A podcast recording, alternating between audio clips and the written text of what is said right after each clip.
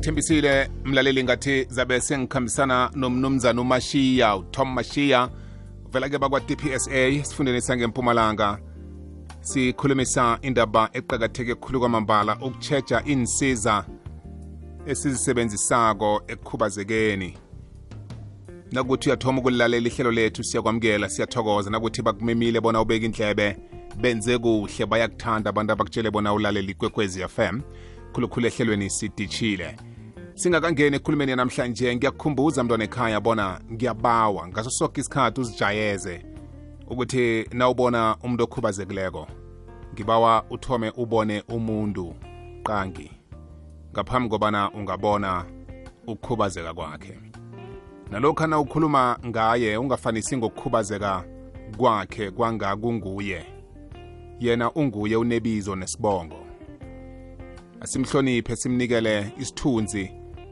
soke simfaneleko nawe nangaba nguwe angekhe wathanda ukuthi ubizwe ngalindlela ombiza ngayo ngiba wawubone umuntu qangi ngaphambi kobana ubone ukukhubazeka lotsha tom mashiya lotsha eh babu mthombothi ngithulile ngikulalele mfo uyangakha ngiyathokoza dj ngithokoza kakhulu kwamambala msebenzi esinikelwe wona ukuthi sifundisane ngombana abanye bethu sithatha ukukhubazeka kwangako umuntu loyo kanti umuntu umuntu bobo dabiti eh soke sinamalungelo afanako ngilotshisa umlalelo ekhaya emhathweni omkhulu ikwekwezi f m kukhanya ba njengoba sizama ukukhanyisa eh khulukhulu ngezinto ezithinda ukukhubazeka nomuntu okhubazekileyo njengoba soyibekile wayendlala bobo dabiti ziningi izinto ezithinda umuntu okhubazekileyo eze sithi nasiziqalako sizithathe singaziboni ziqakathekile hmm. kithi kodwana emntwini okhubazekileko ziqakatheke khulu ukhulume ngeensetshenziswa ezisetshenziswa muntu okhubazekileko hmm. engicabanga ukuthi komunye umuntu ubona sekuyinto yokudlulisa kodwana emntwini okhubazekileko iqakathekile hmm.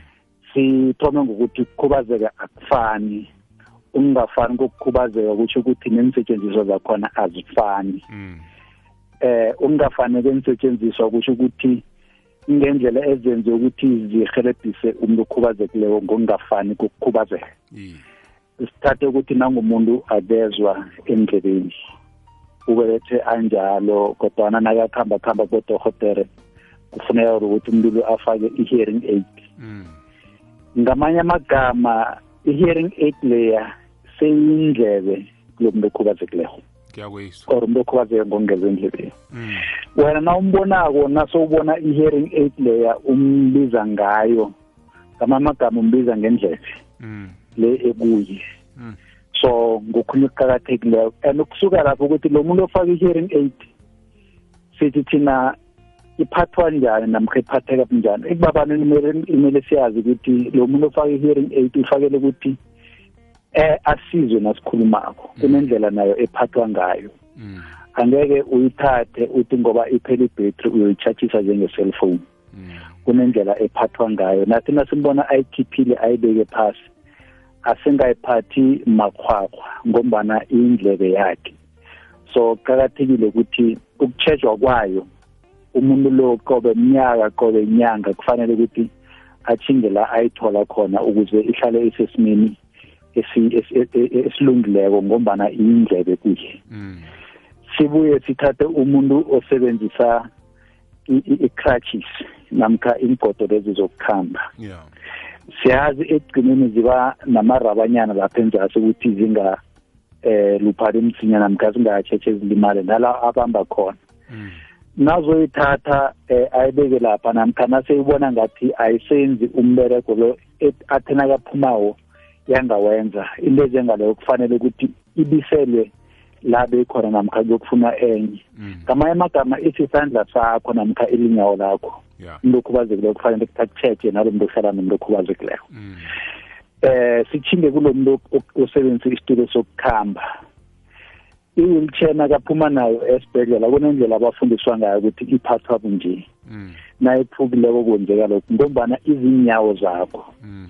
so kuqakathekile ukuthi na uyisebenzisako isitulo sokuhamba ngiziphi izinto ekufanele uzazi ngaso ukuthi i-sensitive nakuza kuphi namkha iphuka nakwenza njani hmm. and izophuka nangihamba kuphi yeah. so ngokhunye nakho umuntu okhubazekileko nabantu esiphila nabo kufanele bakwazi kunalezo ezinye izinto esizibiza ukuthi um ama-technical devices mm.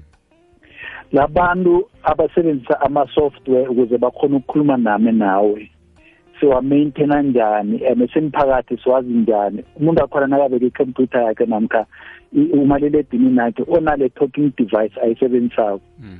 siyiphatha njani kuhle ngezinye izinto ekufanele sizazi ngoba into ezi zonke bobo nazifikako ziza nama-manuwali ukuthi i-maintenance yakhona namkha ukuphatheka kwazo eh ngiziphi izinto ekufanele sizenze ngicabanga ukuthi izinto ekufanele sizilandelele njalo hmm. kubuhlungu bobu ukuthola umuntu eh okhubazekileko afake inyawo leni lokufakelwa uthi uyayiqala enzasi imbhuda khona eminye seyiwile lapho kunye seyiboshwe ngamadrada bese uyazibuza ukuthi eh uhlala njani nento obona ukuthi ingezelela ukukhubazeka kwakho ukuthi kube ngamandla ngoba into leyenza ukuthi ikuvikele lapha nalapha mm. kodwana nase ibotshwe ngempoti engakalungi namkha seyitshiselele namkha seyibotshwe ngendrata kutsho ukuthini mm. ngamanye amagama kutsho ukuthi awuyiphathi kuhle namkha wena lo mlenze onawo namkha isandla lesi awusiphathi kuhle so kufanele sibiyele la sizithole khona indwezi esikwazi ukuthi naso ngu-DPSA ukuthi enye nenye assistive device esetshenziswa umuntu okhubazekileko inale nto esibiza ngokuthi i-life span mm.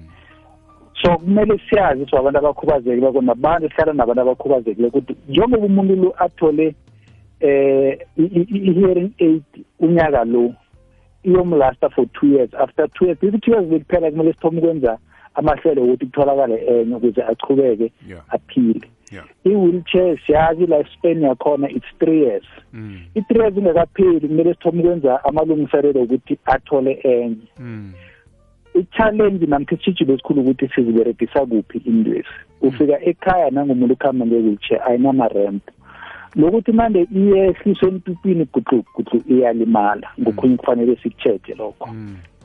i-hearing aid lo muntu oyiberekisako labantu ahlala nabo itshada labo lingangani ngombana le tshada leli linekinga phezu kwe-hearing aid mm. uhlala hlani kwethaveni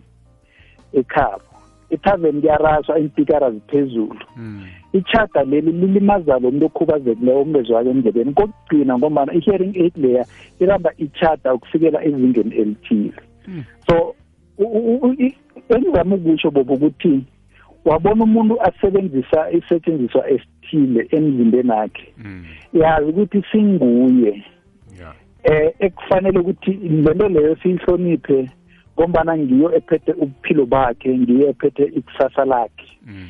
eh zizinto ekufanele sizazi simphakathi ukuthi nangizokhambisa umuntu ngama-crutches phezu kwama-stepis amaningi amandla awafaka phezu kwalama-crutches angangani maningi kunokuthi ngathana bekasebenzisa irempu le ingasebenziswa ngiyo woke umuntu so izinto esizenzako qobe lilanga eh ziyasithinta isetshenziswa emntwini okhubazekileko zisithinta ngendlela engakalungi ngombana kuyothi before kuphela le two years yokuthi okuthola i-hearing aid uzobe sekakuphi nale-hearing aid le emlimazako asithathe njengomuntu lo ongacabanga ukuthi thina asimboni umuntu ofaka amazinyo nibizana ama-false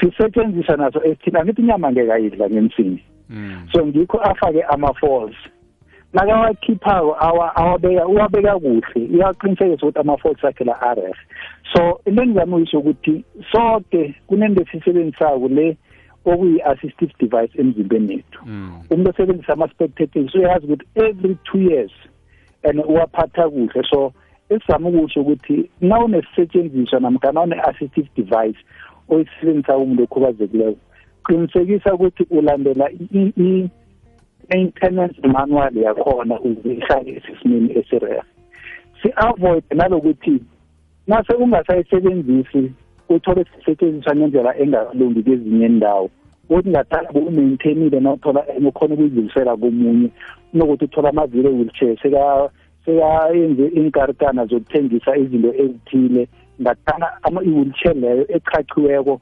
beyithethwe yalungiswa yamukela umuntu oyidingayo ngombana ziyadura into ezibokotatutu khuluma mm. iqiniso ama-assistive device akezilula mm. and eh, ayabiza ngesikhwameni kwamambala sijika nganeno bese siyabuya umtshiso lo ufuna umthunzi ophempetha umoya onombhino omnandi wesikhathi esisomnyaka lomhatshi lizwakalelicefuza amacoco anamahlaya ifundiso nenyeleliso ngilokho okuthola kukwekwezi fm kwaphela kukhanya ba siyaqethelela sinothom mashiya uzasinikela indlela atholakala ngayo engikubambileko ngokuthi zonke iinsiza esizibonako umuntu okhubazekileko azisebenzisa ziyingcenye yomzimba wakhe sengingakupha isibonelo mlaleli abanye bethu siyathanda ukuthi nasibona umuntu osebenzisa isitulo sokuhamba bese sihabele ukumphutsha sifuna ukumphutsha sifuna ukumdosa eh, ayenziwa into efana leyo ungazizwa njani wena uthi uzikhambela njengenyawo zakho sekufika umuntu ngemva kwakho eh akuphutshe emgogodlweni akubambe emadinina eh akuphutshe akuphutshe namkha akubambe imkhono ngaphambila eh akudose akudose eh ngendlela engasiyo kufanele konke lokho sibe kube zizinto esiphumako kizo ungakhuluma naye ukuthi uyalidinga lelo sizo na ungamane nje usumdumela umhabe ngoba ufuna ukukhambisa naye sogijimisa i-wheelchair yakhe eh mashiya asisonke ndoda ekhethu banithola ngayiphi indlela eh bobo tapiti e province ni siyatholakala ku 013 794 1711 and eh, mina ngiyatholakala ku 076 228 4145 noma na ungenzeli WhatsApp khuluma indaba yakho uyiqede ungafaki uhayi ngoba uyangirara ngazi ukuthi udani uthi ukuthini ngithokoze bobo tapiti ngonganalwazi ngonganatshetsho